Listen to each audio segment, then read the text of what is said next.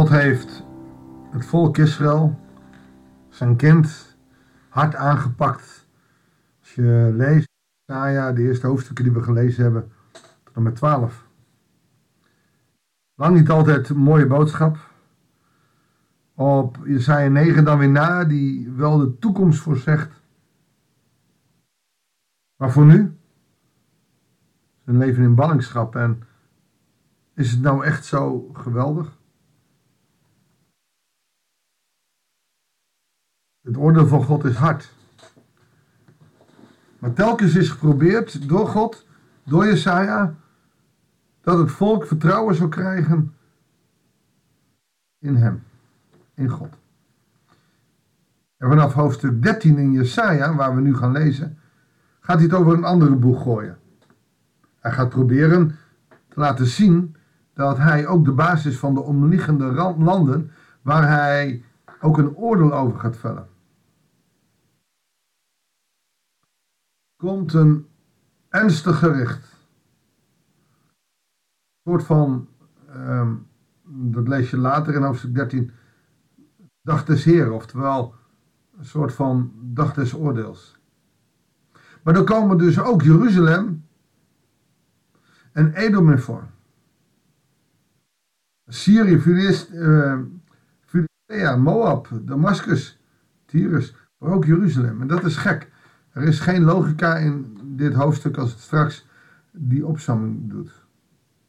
Maar de bedoeling is zeer waarschijnlijk om het overgebleven deel van Israël te bemoedigen. God zal je breker zijn. Dat in een tijd van advent. Wat blijft er van deze wereld over? Altijd iets. Waarom? Omdat God onze breker is. Omdat Hij ons genade wil geven. Omdat het Zijn wereld is. En wij zijn kinderen. Goedendag, hartelijk welkom bij een nieuwe uitzending van het Bijbels Dagboek. We lezen Jesaja 13, vers 1 tot en met 5. Jesaja 13, vers 1 tot en met 5. Profetie over Babylon. Het visioen van Jesaja, de zoon van Amos. Een soort van nieuwe episode. Er wordt ook even gezegd van wie dit visioen is. Even nog, wie is dit? Steek op een kale berg de strijd van op. Roep op tot strijd en geef het teken. Dat ze optrekken naar de poorten van de edelen.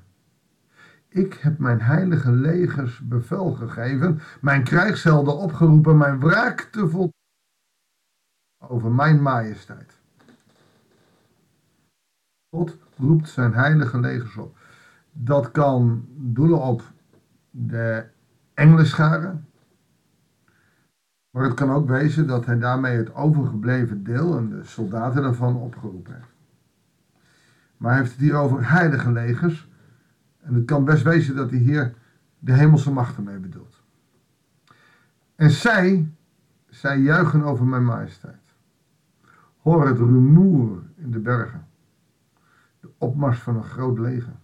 Hoor het tumult van de koninkrijken. De volken die zich aaneensluiten. Heer van de hemelse machten, monstert zijn troepen. Jawel Sebaot, de Heer van de hemelse macht. Jawel, de hoogste naam, die de Jood niet uitsprak. Maar ook Sebaot, de aanvoerder van die hemelse machten. Dan komen ze uit een ver land, van de verste plaats onder de hemel. De Heer komt heel het land verwoesten met de werktuigen van zijn toorn. Hier zie je nog weer dat hij nog steeds toornig is. Hier zie je dat er nog steeds boosheid is. Maar nu gaat hij over Babylon een profetie uitspreken. Babylonië staat voor de heidense volken die zijn volk in opdracht gestraft hebben, maar vervolgens hun eigen weg gingen. Er is niemand, niemand die God werkelijk waar gehoorzaam is. Er is geen ontzag voor God. En nu door Babylonië en Assyrië te overmeesteren, probeert hij respect te krijgen, ontzag te krijgen bij zijn volk. Op een andere manier is het niet mogelijk. En wij weten, net als heel veel anderen, dat het niet eens gaat lukken. Oh jawel, er zal weer een groep Joden naar Israël terugkeren. Het zal weer het Joodse land worden. Maar uiteindelijk gaan ze hun eigen weg. En niet voor niets dat we dit in adventtijd lezen. God zal zijn toorn over Israël, over deze wereld uitspannen, spreken. En wat doet hij dan?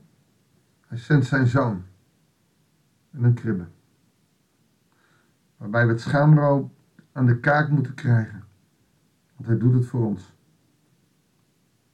Wat een bizar verhaal blijft het toch. Als God boos wordt tegenwoordig, doet hij dat niet meer op een manier die keihard is. Maar geeft zijn eigen zoon.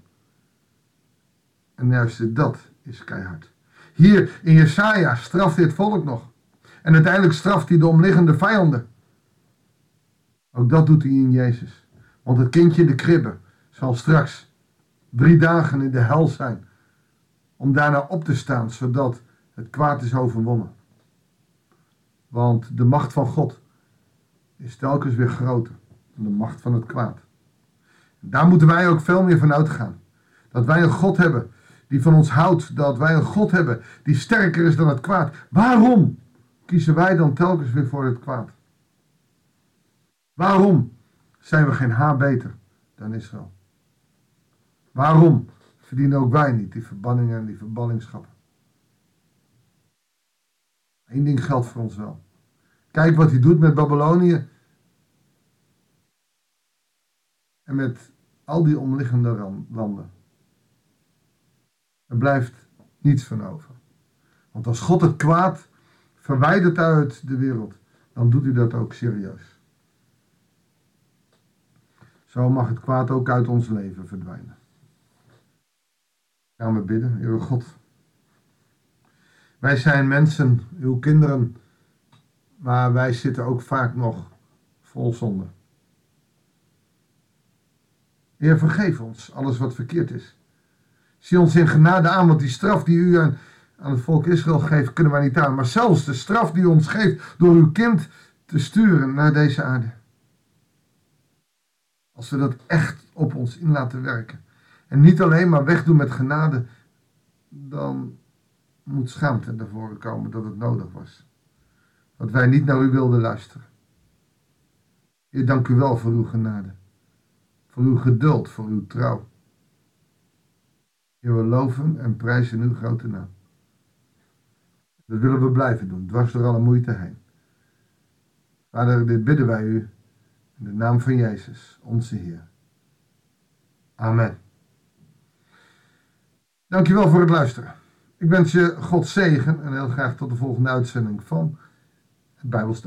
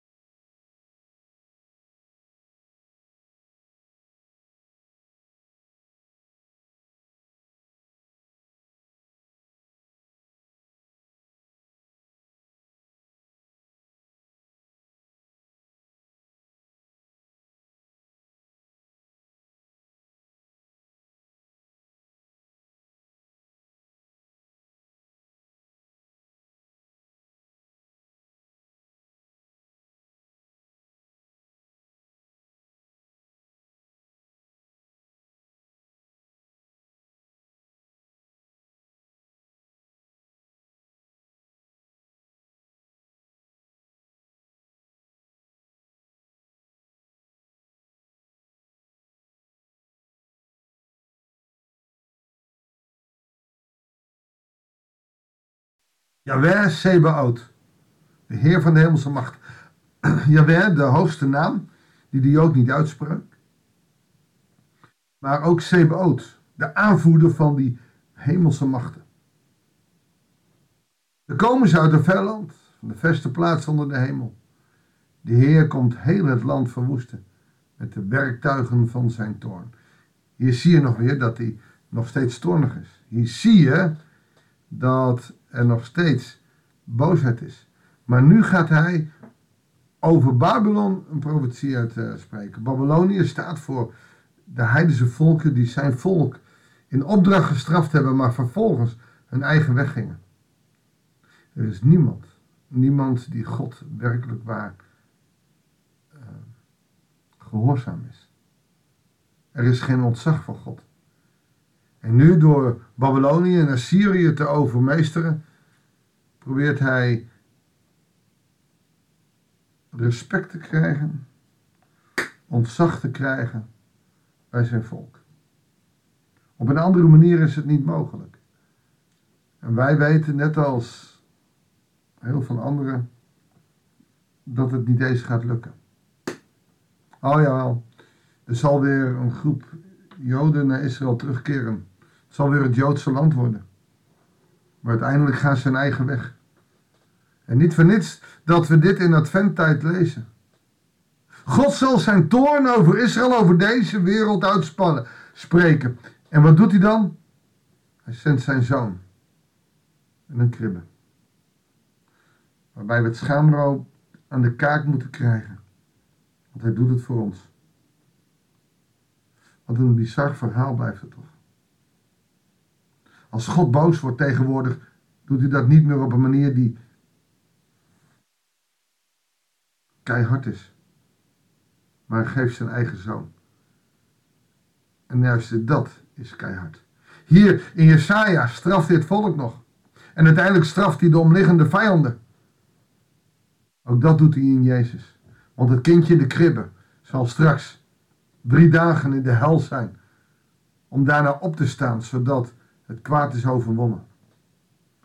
Want de macht van God is telkens weer groter dan de macht van het kwaad. Daar moeten wij ook veel meer van uitgaan.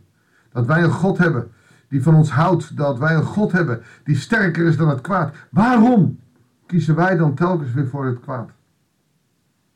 Waarom zijn we geen haar beter dan Israël? Waarom verdienen ook wij niet die verbanningen en die verballingschappen? Eén ding geldt voor ons wel. Kijk wat hij doet met Babylonië.